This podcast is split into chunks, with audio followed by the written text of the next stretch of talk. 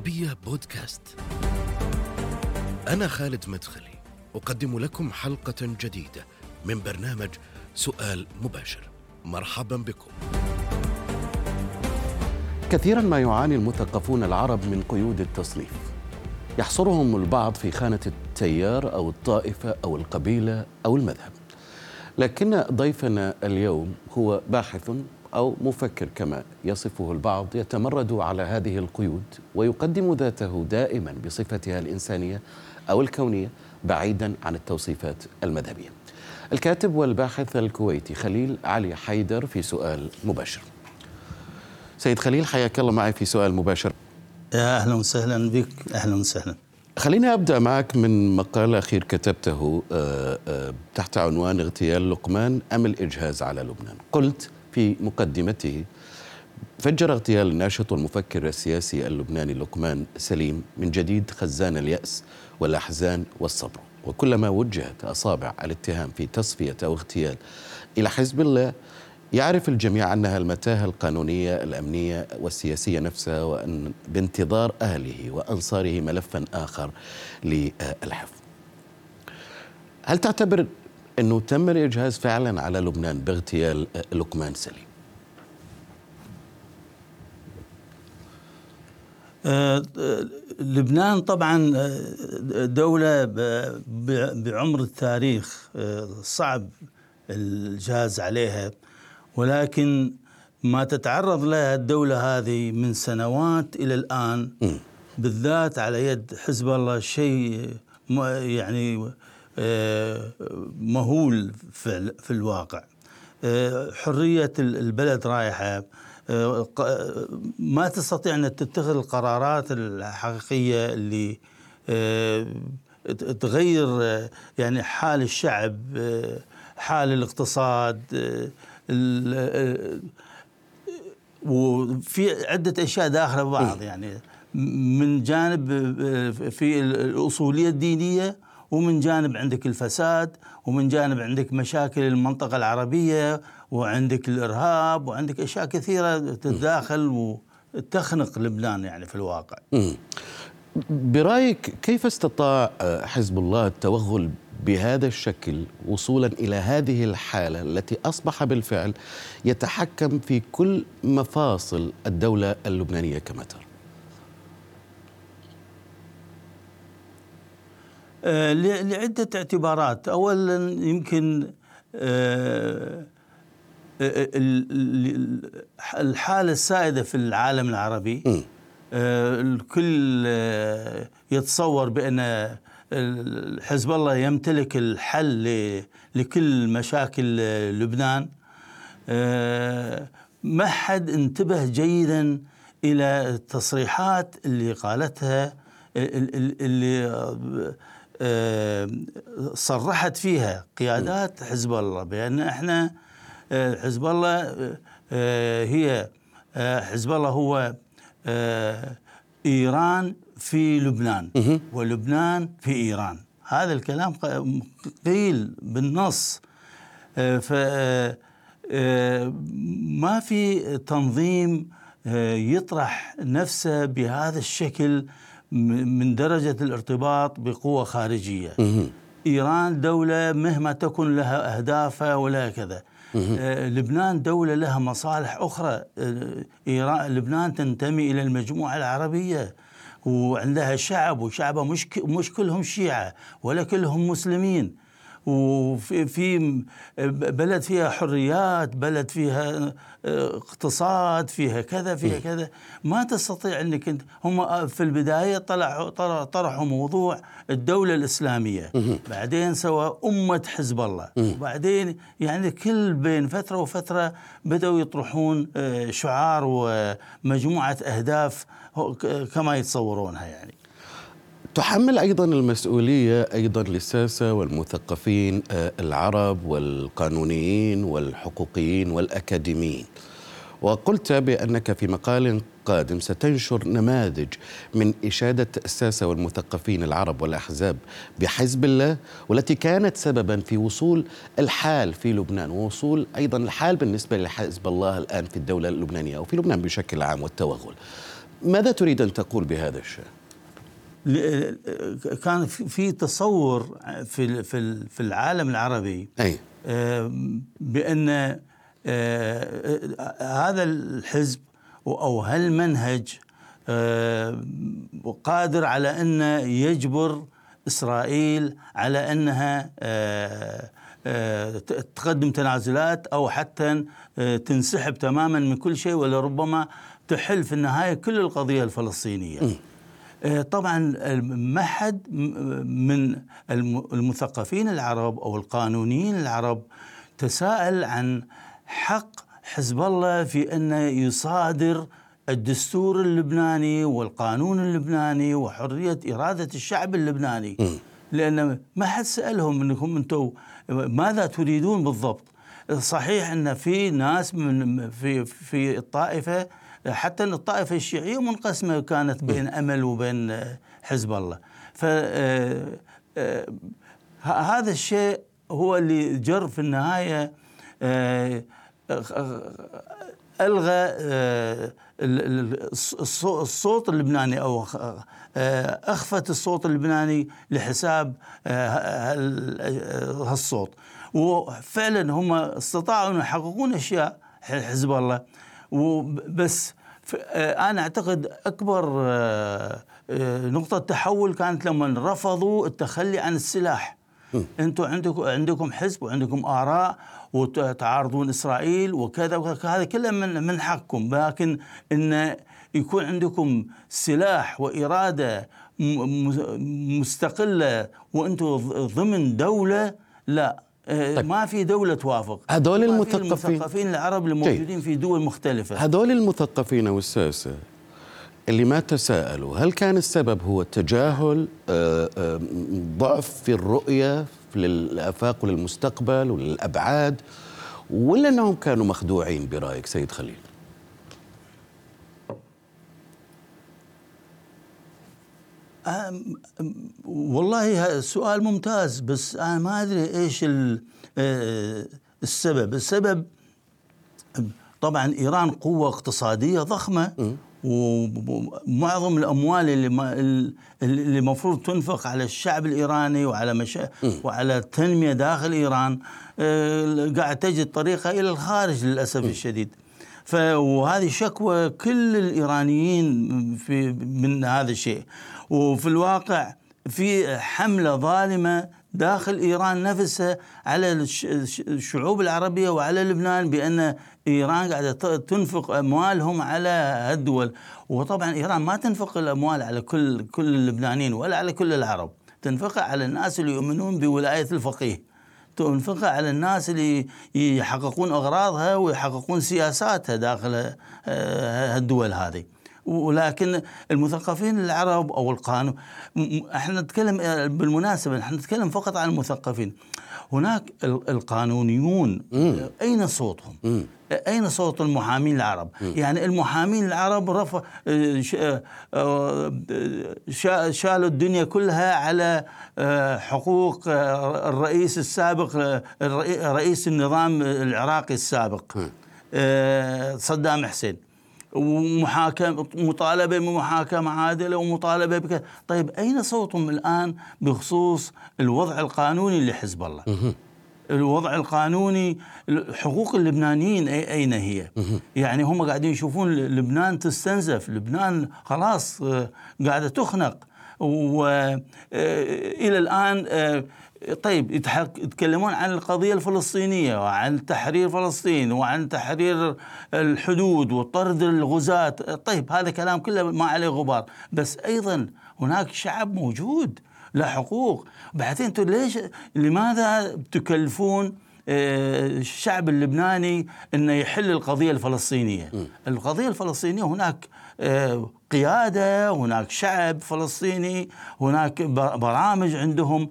فلمجرد أن حماس مرتبطة فكريا مع إيران خلاص تبنيتوا كل اللي, اللي تطرحه حماس وحماس ما حلت أي مشكلة. غزة, الآن ووضعها في غاية السوء. طيب خليني أذهب معك للخليج. وخليني أبدأ هذا الجزء من مقال كتبته أيضا في مايو 2019 بعد في عام 2019 آه، آه، قام عايض القرني تعرف عايض القرني بمراجعات علنية واعتذر وانتقد مشروع آه، الصحوة. وأنت أيضا كتبت مقالا بعد ذلك هل يظهر عايض قرني آخر؟ صح. ماذا قصدت بسؤالك اولا؟ صح. آه، أنا أعتقد بأن أصلا أفكار التنظيمات والأحزاب الإسلامية الإسلام السياسي أفكار قديمة. ترجع إلى آه، بدايات أو أواسط القرن العشرين بالكثير. يعني تعرف الإخوان المسلمين أنشئوا ظهروا سنة الثمانية وعشرين حزب التحرير بالسنة الخمسين أو 52 أحزاب أحزاب ثانية. أفكارهم آه، بعيدة عن العصر. آه، بعيدة عن الديمقراطية بعيدة عن الحداثة بعيدة عن نظرتهم للمرأة نظرتهم لحرية الفكر والثقافة نظرتهم للعلاقات الدولية للتسامح الديني آه، للانتخابات لغيرها لغيرها. هذه كلها تحتاج إلى إعادة نظر. زين على صعيد الخليج آه، يقولون بأن إحنا نؤمن بالديمقراطية ونؤمن بكذا وكذا لكن هم في الواقع آه، بس ينظرون للجانب السياسي. يعني أنت في الكويت نفسها ظلوا ضد حرية آه، ضد إعطاء المرأة المرأة حق الانتخاب. لآخر لحظة إلى أن خلاص ما عاد ممكن. رغم أن كانت تجيهم رسائل من من شيوخ مثل القرضاوي وغيرها بأن موقفكم هذا خطأ لكن كانوا يصرون عليه وكانوا في بعض الأحيان يقولون بأن صح أن الشريعة تبيح ولكن في موانع اجتماعية وكذا. فيعني كيف حزب سيقود المجتمع إلى التطور والتجديد وهو بهذه الدرجة من التناقض. سؤالي لك عن أثر المد الصحوي الشيعي أو الإسلام السياسي الشيعي وكيف أثر على مجتمعات الخليج وإلى أي مدى وصل التأثير اليوم وخاصه على الطائفة الشيعية في الخليج؟ أه التاثير متفاوت في بعض المجتمعات آه، مثل البحرين في مجتمع مثل الكويت في المناطق الشرقية من المملكة العربية السعودية وعندك اليمن. وهذه كل واحدة منهم حالة وعلاقة مختلفة. بس أنا أبي أريد أن أبدأ حديثي بالتركيز على أهمية المملكة العربية السعودية لاستقرار العالم العربي والإسلامي واستقرار المنطقة الخليجية. لأن هي اللي تحمي البقية الباقية من الاستقرار في هذه المنطقة. يعني إذا ما توجد إذا فقد الاستقرار في هالدولة هذه وفي هالمنطقة فالجناح الشرقي من العالم العربي كله يكون في أزمة عميقة ويمكن ما يسرد وضعه لسنين قادمة. فالمملكة العربية السعودية سواء أنت تحبها أو ما تحبها دولة آه، هي اللي تدعم الاستقرار مش مش مش بس في المنطقة الخليجية إنما حتى في العالم العربي. كله مع ذلك هناك من يرى بأن يعني السعودية في أي هناك من يصور آه، ونراه في الكثير من الخطابات السياسية بأن السعودية هي عدوة للأقليات خاصة للطائفة آه، آه، الشيعية. تتابع هذا الأمر أنت أيضا. برأيك ما سبب هذه الخطابات؟ وما رأيك أيضا فيها؟ هذه النقطة خطأ كبير لأن الشيعة أساسا من مصلحتهم الأساسية بأن دولة مثل السعودية اللي متزنة في في في الطرح وتتابع آه، ومعادية للمتطرفين من أمثال داعش ومن أمثال القاعدة أن تكون هي القوة الكبيرة والمسؤولة في المنطقة.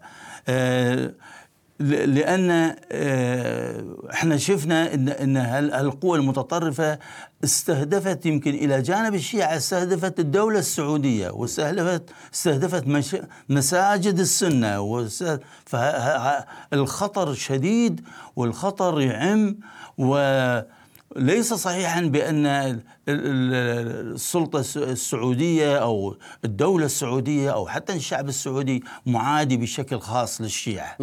آه، في خلافات، في علاقات، في مش هذا كله ممكن التفاهم حوله.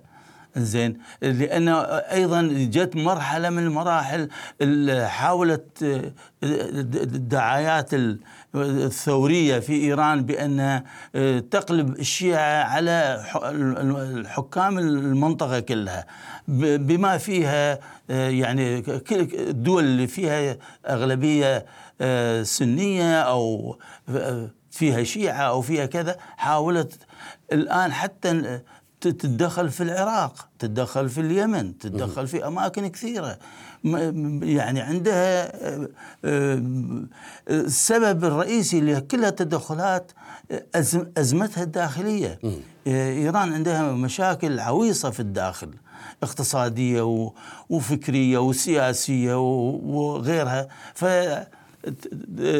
تريد أن تسحب أو تبعد التركيز على هالأوضاع هذه كلها بأنها آه، توحي للناس في إيران بأن لا كل الناس في كل الدول في كل الدول العربية قاعدة تتابع هالموضوع في مثلا الماء في وهذا يعني إيران من الدول اللي فيها مادة بالدستور مؤداها في النهاية بأنها ما ان تزعزع الاستقرار طيب. في العالم. المادة الرابعة والخمسون بعد المئة. أها. أنا بس بقرأ طرف منها مو كلها. زين. جمهورية إيران الإسلامية تقوم بدعم النضال المشروع للمستضعفين ضد المستكبرين في أي نقطة من العالم. وفي الوقت نفسه لا تتدخل في الشؤون الداخلية للشعوب الأخرى. طيب هل معقول الشيء هذا قابل للتنفيذ؟ كيف أنت تبي تبي تحل تبي تتدخل في أمورهم وما تتدخل؟ يعني كلام غير واقعي. هل تعتقد أنه هذا السبب هو اللي خلى مثلا آه، تيارات التشيع, التشيع السياسي حزب الله الثورة الإسلامية آه، تستطيع أن تتمكن أو تختطف عواطف الشيعة في منطقة الخليج العربي؟ سيد خليل؟ آه، المشكلة بأن ال- ال- ال- في مفاهيم طائفية أيضا يروج لها. بأن إيران هي اللي تحمي التشيع إيران هي اللي كذا. إيه، الآخرين في في جو آه، عدائي ضد الآخر وجو آه، غير واقعي تجاه إيران. آه، إيران ما يهمها الشيعة. إيران تهتم بفكرة ولاية الفقيه. تهتم بنظامها السياسي. يعني ما كان عندها أي مانع أن حركة أمل تنتهي في لبنان مقابل أن ينجح حزب الله. ليش؟ السبب الرئيسي لأن حزب الله حزب هم أنشؤوه فبالتالي آه، م- مش كل التشيع مهم بالن- بالنسبة لهم إنما برنامجهم السياسي داخل إيران نفسها إذا أنت أكبر مرجع ديني ولكن لا تؤمن بولاية الفقيه ما يسلمونك السلطة. ما يسلمون ما يخ... حتى ما ما يدخلونك يمكن البرلمان. طيب ليش اليوم المثقفين المنتمين لهذه الطائفة؟ وهنا أنت تتساءل في في في مقالك. لماذا تقول لا نسمع صوتا معارضا لبعض السياسات الخارجية الإيرانية؟ بخاصة تلك التي يدفع عموم الشيعة خارج إيران ثمنها أو موقفا فا- فاصلا فيها ليدرك الجميع أن السياسات الإيرانية لا تمثل آراء كل الشيعة آه، في العالم. بالفعل لا نكاد نسمع أصوات لهؤلاء المعارضين أو المتحفظين أو احتجاجات أو مواقف ناقدة وخاصة أن منهم الكثير من المثقفين منهم الأطباء منهم المهندسين منهم الأكاديميين منهم رجال الأعمال دائما صامتون عن آه، آه، إيران أو عن انتقاد حزب الله أو عن انتقاد كل يعني ما يقومون به من توغل وتهديد لأمن آه، الخليج وامن شعوب هذه المنطقة. إي أنا أعتقد آه، لا زلت أنا مصر على هذا الكلام. أنا أعتقد إنهم مقصرين جدا مقصرين مقصرين إلى حد كبير آه، آه، لأن هم تاركين الساحة فقط للناس الشيعة في في الخليج أو في حتى لبنان وفي العراق وفي غيرها إنهم يستمعون إلى صوت واحد فقط. صوت و- ال- ال- ال- الأج- أجهزة إيران وسواء العلنية منها أو اللي تتولاها الم- رجال الدين أو غيرهم اللي متعاطفين مع هذا الطرح أو الأحزاب اللي تتبنى خطهم. وللأسف الشديد الأحز- أحزاب التشيع السياسي متأثرة بشكل قوي جدا بوجهة نظر آه، ولاية الفقيه و... لأن طبعا هذا ق- الآن حتى المثقفين الشيعة في متأثرين كل بهذا الموضوع؟ الم... المد... في الخليج؟ تحديدا يعني. أنا أعتقد آه، أنا طبعا مش- مشكلة ما في دراس دراسات على هالموضوع اللي تبين لنا إيش هو. بس على الأقل صوتهم هو المسموع. أنا نادر ما أسمع صوت من بين الشيعة معارض ل- لإيران. ما ما أنا أنا هل يمكن- ما أدري إذا موجود ولا غير بس, موجود. بس أكيد إن أنت فكرت في هذا الموضوع وطلعت ببعض الاحتمالات أو التصورات. هل من ضمن هذه التصورات بأن هؤلاء هو ولائهم أساسا لإيران؟ لأنه نجدهم مثلا آه، أصواتهم مرتفعة عندما ينتقدون مثلا التطرف السني. كثير منهم يكتبون في داعش في القاعدة وينظرون ويبينون مخاطر آه، آه، صح. مثل هذا. ولكن نجدهم على العكس مضبوط. تماما لا يتحدثون ولا ينبسون ببنت شف حول أي شيء يتعلق بالتطرف صحيح. الشيعي وإيران وحزب الله والأحداث كثيرة صح تصورك أنت ليش صحيح لا أنا أنا أو- أوافقك بس آه، طبعا في آه، ما أدري يعني هل هو خوف من انتقام إيران؟ هل هو خوف من العزلة الطائفية داخل طائفتهم ينحسبون بانها هذاك أنت هذول- تنتقد هذا- سيد خليل. تنتمي لهذه إيه. الطائفة وصوتك دائما يرتفع ولا تخاف نعم لا لأن هذا هو الحق يعني هذا هو الرأي ال- ال- يعني إيران ليست أول دولة آه، تحاول أن تروج لفكر طائفي في في المجتمع.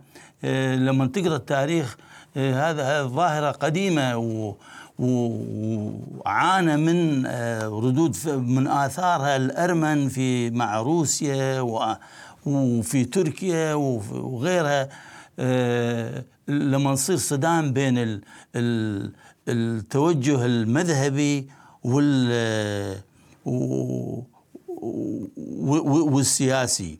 آه، ال- ال- المسيحيين أيضا في العالم العربي آه، حاول بعضهم انه أنت ما تخاف؟ ينظر؟ لفرنسا بأنها هي نعم؟ أنت ما تخاف منهم؟ من استهدافهم مثلا؟ أنا لا لا عادي يعني ما إيش راح يسوون يعني؟ طيب آه، أنا برضو ب يعني بقف عند نقطة إنه هل هؤلاء يمكن أن يكون ولائهم اولا وأخيرا لإيران؟ وأن السبب في عدم آه، ارتفاع صوتهم لانتقاد أي شيء له علاقة آه، بإيران هو بسبب الانتماء أو الولاء. لا أنا ما أعتقد آه، مسألة ولاء أي. يعني لأن لأن ما, ما- شيء آه، ما يدخل العقل يعني أي. إنهم موالين لإيران آه، ولكن آه، يمكن آه، خوف من من الانتقام خوف من داخل طائفتهم في عزلة في بعض الناس اللي يتكلمون على بأشياء أبسط من هذه الطائفة تحاربهم. آه، أيضا آه، آه، شوف يعني دائما الأقليات آه، حذرة جدا. هذا هذا شيء موجود في كل الأقليات في كل مكان في العالم. الآن مثلا أي أقلية أخذ السود في الولايات المتحدة من ال Afro-Americans هل هم يكونوا ينتقدون الت- التصرفات السلبية في بين ال Afro-Americans بين ال- الأمريكان اللي من أصل أفريقي لا. آه، موجود هل الناس. اللي ينتمون إلى الكاثوليكية في اي بس مش مش بهالكثرة. طبعا أنا أنا وافقك ان ان إن الظاهرة الآن الموجودة في الوسط الشيعي فعلا ملفتة للنظر اللي تفضلت فيه إنهم يكتبون ينتقدون آه، كل التطرف وكل الأحزاب السنية ولكن ما يتكلمون عن ما يشوفون يمكن إنه هذا تطرف اللي جالس يحصل. إيران وحزب الله و... اي طبعا هذا كله تطرف. لأن هم يعني كي- كيف أنت آه، تنتقد الآخر وتسكت على اللي ال- هذا يشكل خطر هذا يشكل خطر سريعا. أنا ما عندي آه، تقريبا شرفنا على النهاية أو انتهى الوقت. يشكل خطر على مستقبل الخليج ودوله وشعوبه. والله أنا ما أعتقد آه، م- مش خطر شديد جدا.